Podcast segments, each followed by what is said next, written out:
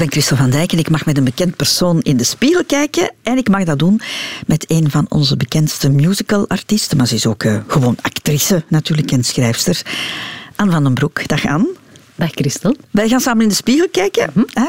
Uh, eens kijken hoe, hoe jij naar jezelf kijkt en, en ook naar het leven, naar de wereld. Ik heb de spiegel bij. We gaan dat meteen doen. Echt kijken? Echt kijken. Oké. Okay. Um, ik zie een vrouw van mijn leeftijd. Dat is uh, half de 40, hè? ja, 46, net over de helft eigenlijk. 46. En, en uh, met dat ik nu een kort kopje heb um, dat nog niet gekleurd wordt, zie ik hoeveel grijze haren ik heb. Vandaar dat mijn leeftijd een beetje verraadt, denk ik. Ik had altijd lange haren met een beetje een balayage in. Dus um, ik zie een, wel een ontspannen gezicht. Een beetje vermoeidheid, maar dat is misschien ook door het vroege uur. Um, maar ontspannen, dat klinkt goed. Wel ontspannen, ja. Ik vind dat mijn, dat mijn ogen, ogen helder staan. En er is ook zo een frons tussen mijn wenkbrauwen die veel dieper was. En ik heb het idee dat die het laatste jaar een beetje weg is gegaan. Dat is heel raar, want fronsen zouden dieper moeten worden met, met ouder worden. Ja, maar dan denk ik, ik heb mij misschien ook minder zorgen gemaakt om dingen die er niet toe doen. Dat denk ik wel. Ik ben de afgelopen, ja, een afgelopen kleine jaar, acht, negen maanden al, zo gefocust op, op hoe mijn lichaam voelt en zo, dat echt alle ballast, daar hou ik mij niet mee bezig. Ja. Ik kon dat eigenlijk heel snel. Zo alle onbelangrijke dingen van mij afzetten. Ja, en om, even duidelijk te stellen, want je bent ziek geweest aan. Je hebt uh, acht maanden geleden is er uh, borstkanker bij jou ontdekt. Uh, je hebt natuurlijk een hele behandeling, hè, chemo, hormoontherapie ook. Dus ja, dat heeft wel een weerslag -hmm. natuurlijk. Ja. Maar jij hebt dat ja, in het goede kunnen keren dan eigenlijk? Omdat je zegt, ik zie er meer ontspannen uit nu. Die, die diepe frons is weg. Ja, ik vind wel... Uh, ik, ben, ik ben meer tot de kern van mezelf gekomen. Um, wat ik een hele fijne bewustwording vond. Um, dat ik mezelf terug heb leren kennen. Omdat ik zo te veel ja, werd geleefd. Of te veel mij bezig hield met, met, met geven aan anderen of zo. En ik hield eigenlijk gewoon niet genoeg rekening met mezelf. En nu, ik was zelfs bijna blij dat mij dit overkwam. Omdat ik nu een reden had om een keer voor de eerste keer aan mezelf te denken. In de eerste plaats aan mezelf te denken. En dat voelt nog altijd een beetje raar als ik kies wat voor mij goed voelt op een bepaald moment, om, om, om activiteit te gaan doen of, of iets niet te doen, voel ik mij altijd toch een beetje schuldig. Terwijl andere mensen die dat doen, dat vind ik fantastisch. Mhm. Dat die echt zo leven naar wat zij voelen, alleen maar. En op een of andere manier is dat iets wat er bij mij anders in zit of zo. Is dat door een opvoeding waardoor dat je zo vooral de dingen moet doen die zo horen of zo. Dat, dat ik niet genoeg heb geleerd nee, om te luisteren naar mezelf. Of Zoals je het nu beschrijft, ben je echt een gever. Hè? Ja. Je was ook de oudste van, ja. van, van drie. drie kinderen. Jouw, broers zijn, jouw twee broers zijn een, Jonger, stuk jonger. Ja. Hè? ja. Dus ik, ik kan me voorstellen dat er dan ook wel eens beroep op jou werd gedaan. Want jouw ouders hadden een fietsenzaak, hè, hadden het heel druk. Zou het daarvan kunnen komen? Ja, ik denk dat ik ja, je moet zo heel de tijd werk zien. Hè? Of, of in, in bijspringen waar nodig. Nu, ik heb dat nooit als overdreven beschouwd of zo. Maar ik weet wel dat vriendinnen, die zeggen dat nu soms nog tegen mij, van jij moest echt veel helpen hè, thuis. Maar ik vond dat normaal. Dat, dat heeft, ja... Hoeveel jongeren zijn jouw broers, precies? Uh, vier jaar en negen jaar. Ja, dus er werd al wel eens vaak gezegd waarschijnlijk, Anne, let jij eens op de kleintjes. Sowieso, ja. Ja. ja, en dan krijg je wel een verantwoordelijkheidsgevoel, ja. zeker. Ja. ja, en ik heb ook daardoor nooit de tijd gehad om mij echt te vervelen, zal ik maar zeggen. Omdat ik bijvoorbeeld nu, de laatste jaren al natuurlijk, heb ik gemerkt dat ik door even niks te doen en gewoon wat naar buiten te kijken of een wandeling te maken, dat triggert mijn creativiteit. En dan zet daar iets in gang en dan komt dat allemaal vanzelf. Maar zet mij niet van, oh, ik heb een kwartier over, ik zet mij aan de piano en ik schrijf iets. Dat gaat niet, dat lukt niet. En die tijd heb ik nooit gemaakt toen ik jonger was. Dus soms vraag ik mij wel af van, als ik toen die tijd had gehad, had ik misschien een ander pad bewandeld of al veel sneller uh, nummers geschreven of, of weet ik veel. Ja. Ja. ja. Vond je het moeilijk om tijdens die periode dat je ziek was, om meer aan jezelf te denken? Nee.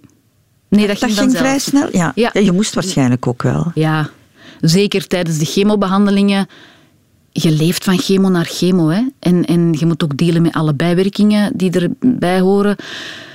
Dus je bent eigenlijk van s morgens tot s avonds met je lichaam bezig. En, en een bewustwording eigenlijk. Hè. Dat is echt een oefening in bewustwording. Maar nooit vervelend of zo. Allee, ik bedoel, ik heb nu pas door. Onlangs was ik een foto aan het opzoeken. En ik scrolde langs. Uh, ik had zo voor mijn eigen wel zo'n soort blogje bijgehouden, een soort dagboekje, hè, met ook wat foto's en zo, van heel de, de afgelopen periode. En ik kreeg echt een knop in mijn maag toen ik bepaalde foto's zag passeren omdat ik ineens besefte van, oei, amai, ik ben echt wel door iets doorgegaan. Terwijl op dat moment, ik bleef maar positief. Ik heb echt herontdekt tijdens die periode dat ik echt zo een, een vrolijke, positieve vrouw ben. Tegenover, ik had nogal veel stress gehad de jaren daarvoor. Dat ik dacht van, ah oh nee, nu dit nog, dat gaat echt de druppel zijn. En, en ik ga burn-out of weet ik veel, depressie tegemoet. Maar dat was tegenovergestelde. Mhm. Omdat ik gewoon vanzelf werd teruggecatapulteerd naar mezelf, naar mijn kern. En, en ik heb mezelf terug leren kennen. En ik dacht van, ah maar ja, ik ben ik rustig, vrolijk, positief.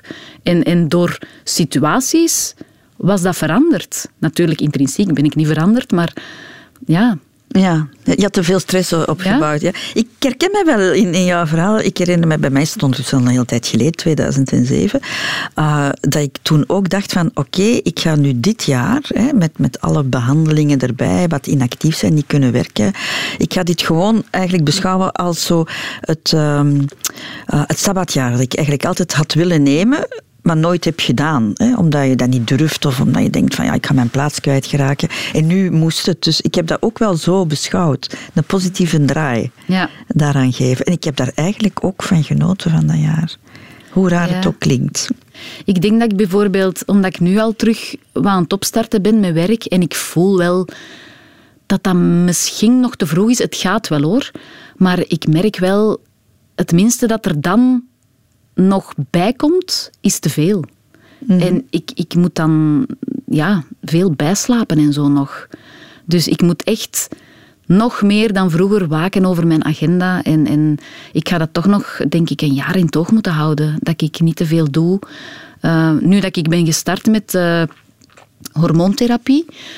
Um, ik zit nu in de helft van de eerste drie maanden ongeveer, denk ik. Uh, of net over de helft. En ze zeggen dat die eerste drie maanden het pittigste zijn en daarna stabiliseert dat. Daar kijk ik wel naar uit. Want ja, ik ben de afgelopen zes weken qua conditie was ik echt aan het groeien, echt vooruit aan het gaan. En dat was echt een stapje terug nu. En dat is frustrerend omdat je denkt van, damn, ik wil blijven vooruit gaan. Uh, en dan denk je van, ja, nee, nee, kom. Dat lijf was nog niet gerecupereerd en er komt nu terug iets bij. Dus je moet echt de tijd nemen om te resetten. Hè. Ja, natuurlijk. En je, allez, ik bedoel, zo'n hormoontherapie, er gebeurt wel heel veel in jouw lichaam. Je wordt zo plotseling ja. van dag op dag in, in, in menopauze gezet. Hè. Dat is voor de meeste vrouwen al een serieuze aanpassing. Maar als dat zo snel moet gebeuren je lichaam moet, kan dat eigenlijk mhm. niet aan. Hè? Ja. En mentaal ook niet. Hè? Nee, met dat je dat nu zegt, ik, ik krijg... Mijn, mijn, het water in mijn ogen is aan het stijgen eigenlijk. Dat ik zo, ja, ik word daar wel emotioneel van. Dat ik zo op mijn leeftijd... Ik had dat niet verwacht. Nog niet. Nee. Ja, ik vind dat wel pittig om zo verder te moeten gaan met een lijf, met een ander lijf gewoon ik herken mezelf ook nog niet in de spiegel. Ik zie echt nog iemand, ja, iemand anders echt. Niet alleen door hoe ik eruit zie, met, met dat haar of, of ja, alles is zo nog wat meer opgezwollen, ook door die hormonen waarschijnlijk. Ehm, ik beweeg natuurlijk ook nog niet zoveel als daarvoor. Maar ik vind dat wel af en toe zo het besef van... Misschien komt mijn conditie of mijn fysieke conditie niet helemaal meer tot wat het was. Ja. Dat vind ik een moeilijke om te aanvaarden. Dus ik wil dat voorlopig nog niet aanvaarden. Ik ga proberen te blijven sporten. Allee, ja, ik ben nog aan het opbouwen, hè, maar ik heb mij voorgenomen van nooit meer te stoppen met sporten. Mm dat is heel goed. Bewegen is, is, is, zeker heel goed. Maar ik hoop wel dat ik, dat ik... Ja, ik heb zoveel schrik dat ik mijn job niet meer op hetzelfde niveau kan blijven doen. Maar, maar dat gaat niet zijn. Dat denk ik niet. Maar ja, je lichaam verandert wel. Hè? Ja. Heb je ook schrik om te verdikken? Ja, ik ben verdikt. Al sowieso door de chemo en zo, en de cortisone. Ehm, maar dat waren drie kilo die, die er al terug af zijn. Dus nu zit ik toch zo... Mijn normale gewicht is toch vier kilo lager. Mhm. Maar ja, ik ben ook nog niet aan het bewegen zoals daarvoor. Ze zeggen wel hè, dat je sowieso drie kilo er moet bijtellen vanaf de menopauze. Mhm. Ja, we zullen wel zien. Ik bedoel, ja. ja op zich... Uh... Hoe was jouw relatie met de spiegel in die periode, aan? Um, ik heb in die periode weinig in de spiegel gekeken. Beroepshalve kijk ik natuurlijk heel veel in de spiegel. En ja, ik had eerst twee jaar corona en dan een jaar kanker. Dus ik heb eigenlijk de afgelopen drie jaar een pak minder in de spiegel gekeken. Um, maar uh, ja, blijft wel dat je elke verandering ziet. Want je kent je lijf zo door en door, omdat je zo vaak jezelf hebt gemake-upt voor een voorstelling en zo. Dus je ziet alles. En je ziet ja, poriën veranderen. Of, of dat je ineens zo denkt van, mijn neus lekt. Zo van, maar ja, natuurlijk, daar staat geen haar niet meer in. Ah, ja, dat, dat haar is ook weg. dat zijn allemaal zo van die stomme dingen. Of, of ja, zo wimpers en wenkbrauwen, die dan, dan zie je er... Daar was ik heel bang voor, omdat je dan echt de zieke look hebt. Hè. Dan ben je kaal, hè? Dan ben je echt kaal. Ja. ja. Maar ze zijn er al terug. Je wimpers zijn terug, je wenkbrauwen zijn al mooi. Ja, ça va wel. Nee, dat, is, dat groeit eigenlijk allemaal wel vrij goed. En ik moet zeggen dat ik op dat moment, met, die, met het kale hoofd zelfs, toen dacht ik van, damn, ik wou dat ik nu een platenhoes moest ontwerpen voor mijn eigen LP of zo. Want ik vond dat echt een hele stoere, coole look. Um, ah, toch? Ja, ik vond dat wel graaf. Maar ik heb nog altijd zoiets van, ik ben precies een personage. Ik en dan, als dat zo gemillimeterd was, dan dacht ik, ja, ik speel nu Sinead O'Connor of zo. Of, uh, Demi Moore in G.I. Jane. Ja. ja. Ja, want als ik aan jou denk, aan Van den Broek, dan denk ik aan haren. Je had, je had heel veel haren. Van een mooie blonde, Ehm, ja, een beetje beelderig, uh, krullend, golvend, golvend haar. Dus dan is dat toch nog wel meer. Ja, hè? Ik moet wel zeggen, uh, ik had natuurlijk een aantal jaren geleden um, in Like Me gespeeld. En daarin uh, speelde ik die mama van Caro en die, die sterft aan, aan kanker.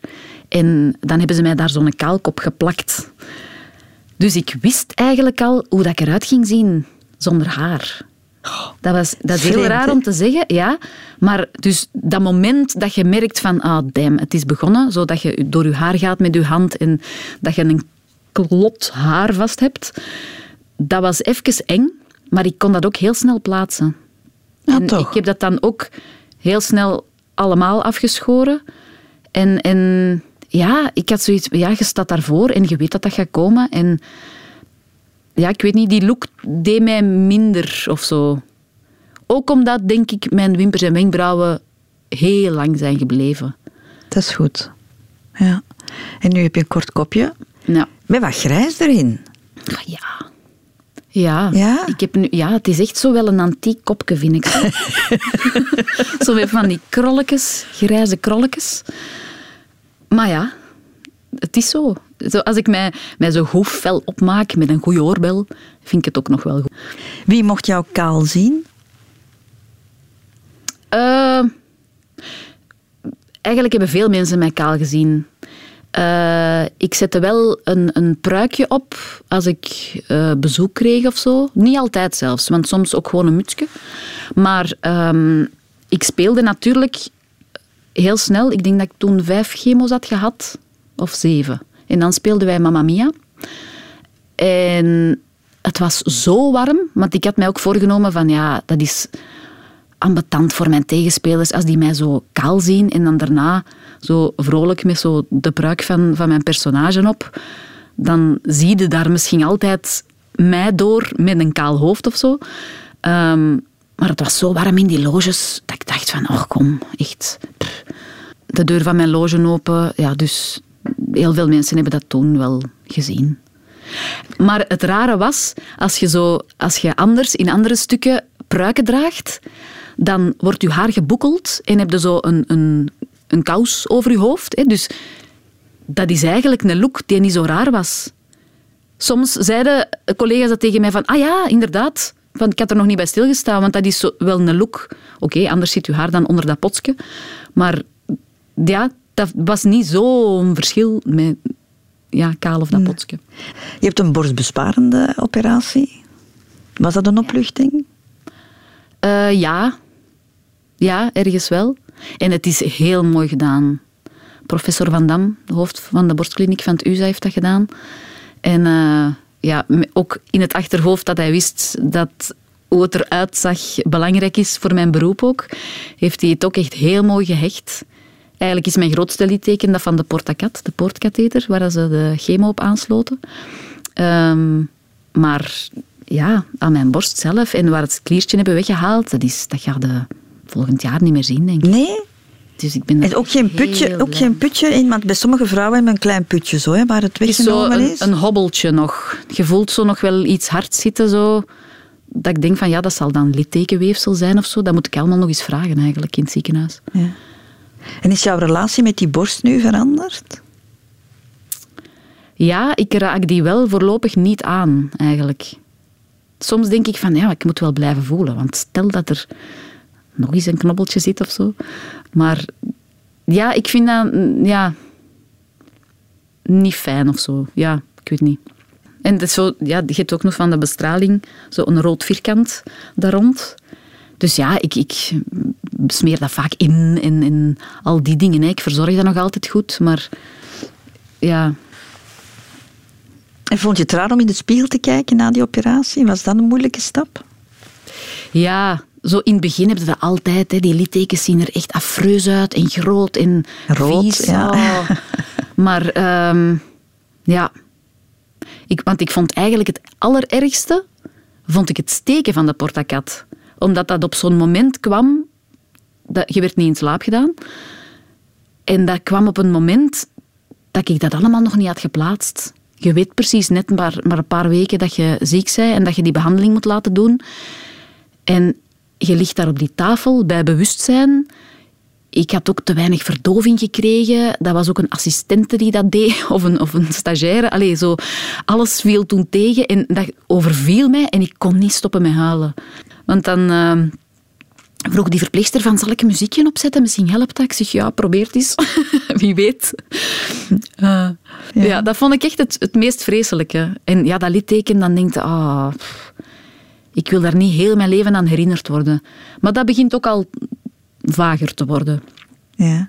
Ander verhaal nu, uh, Anne. We hebben in de spiegel gekeken en je, je, zei van ik zie daar een vrouw staan van, van, van mijn leeftijd, hè, midden 40. Is dat een mooie leeftijd, vind je? Ja, op zich wel. Um, Ondanks al wat, er, al wat er gebeurd is? Ja. ja, wel jammer dat dat dan dat ik dat allemaal pas besef. Of dat ik, ja, ik weet niet, op een of andere manier ben ik nu echt mezelf. Ik ben altijd mezelf geweest, hè. Maar bijvoorbeeld, um, ik ben een laadbloeier. In alles. En daardoor voel ik mijn eigen nu pas echt goed. En zelfzeker. En ja, ik ben zo vroeger in het begin van mijn carrière dat ging allemaal heel goed, maar ik was eigenlijk niet klaar om zo interviews te doen en zo. Ik, ik, ik schaamde mij altijd voor wat ik nog niet kon. Terwijl je denkt van, ja, maar wat gaan doen zij is goed. dat, dat ik dat, door dat perfectionisme ging ik altijd verontschuldigend een interview in of zo. Want je kreeg de erkenning wel, hè? Ja, ja. En als ik dan, niet dat ik mezelf niet was of zo, hè, maar ik had altijd heel veel stress als ik dan zo een interview op televisie of zo. En dan keek ik daar zelf naar achteraf en dan denk ik, maar Van den Broek, ontspan toch? Zo, waarom... waarom die, allez, niet iedereen ziet dat natuurlijk, maar ik merk dat aan mijn spontaniteit dan. Dat dat... Ik kon in het begin nooit zoiets iets zot zeggen of zo. Dat ging niet, omdat ik dat... Dat was zo wat... Ja, ik zat zo wat verkrampt. En dat is wel nu totaal weggevallen. Ah ja. Dus nu ben je wel tevreden over wat je doet en hoe je het doet. En, en, ja, en het is goed. ook al zo. Maar ja, ik legde de lat altijd nog hoger. Dan dat is nooit goed genoeg. Ja, Zoiets? Ja. En ik heb dat moeten leren, omdat ik daar tijdens mijn conservatoriumperiode werd ik daar echt ongelukkig van. En dat heb ik echt moeten leren. Van, oké, het kan misschien beter en jij wilt misschien beter, maar het is al oké. Ah ja. Heb je dat altijd gehad? Als kind ook? Op school? Of, of, of mijn moeder zegt dat mijn eerste woordjes, die kwamen er ineens uit. En die hield mij vaak in toog. Als, er, als, als ik dacht dat er niemand in de buurt was, was ik aan het oefenen. Zo met klanken aan het oefenen. Maar ik deed dat bijna nooit als er iemand in de buurt was. Dus ik denk dat dat er van in het begin in zat. Nog steeds, want ik bedoel, ik kan zingen. En nog steeds, als ik iets moet instuderen, heb ik liever dat ik alleen thuis ben. Dat ik een keer goed op mijn bek kan gaan en niet uitproberen. En zo op mijn bek gaan doe ik nog altijd liefst in mijn eentje. Ah, ja. In mijn conservatoriumperiode uh, hebben ze wel zoiets tegen mij gezegd. Je moet niet altijd eerst aan het water voelen voordat je erin springt. Zo springt er gewoon in. En dat heb ik wel meegepakt. Nou ja. Ja. Mhm. Wat vind je dat je uitstraalt, aan? Uh, hoe, hoe zouden andere mensen naar jou kijken, mochten ze jou niet kennen? Ah wel, ik weet het niet. Want ik vind dat ik zo een, een soort van allesgezicht heb of zo. Wat ik goed vind als actrice. Omdat je dan en de slechterik of de bitch kunt spelen, maar ook de lieve mama, bij wijze van spreken. Um, maar ik weet dat daar ooit voor bepaalde reeksen, bepaalde rollen in reeksen, uh, discussie over was. Over de mensen die mij aan het casten waren. Dat de helft van de mensen zo dacht van nee, nee, nee, die ziet er veel te streng uit. En anderen, nee, nee, die heeft juist zo'n lief gezicht. Dus ik was op zich heel blij dat die discussie er was. Maar ja, ik had uiteindelijk de rol niet. maar uh, ja, dus ik denk dat ik wel van, van alles uitstraal, eigenlijk. Ja, ik denk nu wel als actrice, je vergroten altijd. Ik denk dat alles ergens in u zit. En je moet dat alleen maar uitvergroten, denk ik. Dus ja. Ben je tevreden over hoe je eruit ziet? Uh, nog niet nu, maar de afgelopen jaren eh, was ik wel tevreden. Ja. Ik heb vroeger, ik heb altijd wel een beetje gevochten tegen gewicht. Ik ben nooit dik geweest hoor, maar zowel molliger tijdens mijn puberteit. Jij was toch heel slank, of jij bent gewoon heel slank? Ja, maar ik moet, daar, ik moet wel echt sporten en zo. Allee, ja, wat iedereen waarschijnlijk moet doen. Maar uh, ik heb wel goede billen. dat is zo. Wat bedoel je met goede billen? De stevige, stevige, benen, ja, een poep en billen zo. Uh, mijn vader zei altijd, je zou een goede coureur geweest zijn. Um, maar ik heb vooral een taille. Die heb ik altijd benadrukt. Ik heb nooit een buik gehad. En daar ben ik nu een beetje bang van. Met die geforceerde menopauze wel. Maar uh, nee, op zich... Uh, ik heb een klein traumaatje opgelopen, denk ik, uh, toen ik, voor ik naar het conservatorium ging, heb ik een jaar dans gedaan. Um, en ik woog daar, ik ben een meter zeventig groot, ik woog 55 kilo. En ik was het dikste van de school. En ik danste acht uur per dag, dus ik was afgetraind. Dus ja, dat laat sporen na sowieso. Hè. Werd je daarop, kwamen daar opmerkingen over? Ja. Ja, ja, ja, ze kwamen echt in uw taille nijpen van als dit rolletje nog zou weg zijn, dan... En dan denk ik, welk rolletje? Dat is gewoon vel. maar uh, ja, en het jaar daarna zat ik dan op conservatorium en dan ben ik ook een keer op matje geroepen, omdat ik toen bijkwam. Maar ja, toen danste ik ineens acht uur per week in plaats van acht uur per dag. Dus tuurlijk kom er dan bij. Dus dat is wel... Ik heb lang moeten zoeken naar zo'n evenwicht. Maar dat is er wel. Door, vanaf eigenlijk dat ik in het beroep ben gestapt en veel heb gewerkt, heeft dat zijn eigen gestabiliseerd. En heb je er nooit meer opmerkingen over gekregen, toch? Nee. Nee, nee, nee. Maar je staat ook altijd voor de spiegel, hè. En op die weegschaal ligt ook, niet? Ja, maar één keer in de week, maximum. Ja, en ik heb ook zo heel lang zo een, een, zo'n chubby gezichtje gehad, zo, hè, met van die goeie kaakjes. Zo. En dat vond je ook niet mooi? Nee, ja, dat is eigen aan zo'n pubergezichtje. Hè, zo. Nee, maar ik ben op zich nu wel... Ik vind mezelf wel mooier, of zo. Mhm. ik, ik groei wel mooier op. Als ik zo... Ja... Alle partners die ik heb gehad, die hebben nooit kinderfoto's van mij willen zien. die denken echt vaak... Hoe kan dat, dat dat goed is gekomen met u? maar, eh voilà. En wat vind je het mooiste aan jezelf? Als je er één ding zou mogen uithalen? Ehm, ik ben wel met een aantal dingen blij hoor. Ik ben blij met mijn tanden. Ik heb nooit een brug gedragen. Ik heb ook vrij witte tanden. Ja, die zijn heel recht, hè? Ja. Ehm, dus daar ben ik wel blij mee. Ehm, de kleur van mijn ogen vind ik ook heel fijn. Ik vind het jammer dat ze zo wat naar beneden hangen. Mijn ooghoeken die hangen opzij zo wat naar beneden. Heeft zo'n trieste blik. Dus als ik mijn make-up en ik moet niet triest spelen, dan lift ik die wat op. Ehm, en ik vind mijn sleutelbeen, dat vind ik ook heel fijn dat dat zo aanwezig is. Je hebt ook een mooie lange nek, hè? Vind ik wel mooi, ja. Ik vind dat een hele ranke, slanke... Ja. Ja, ik vind dat elegant. Dank u wel. En ik vind jouw lengte ook heel mooi. Ik vind dat je een hele mooie houding hebt. En ja, Ja, ja. ja, voilà. Nog een complimentje? of is het goed zo?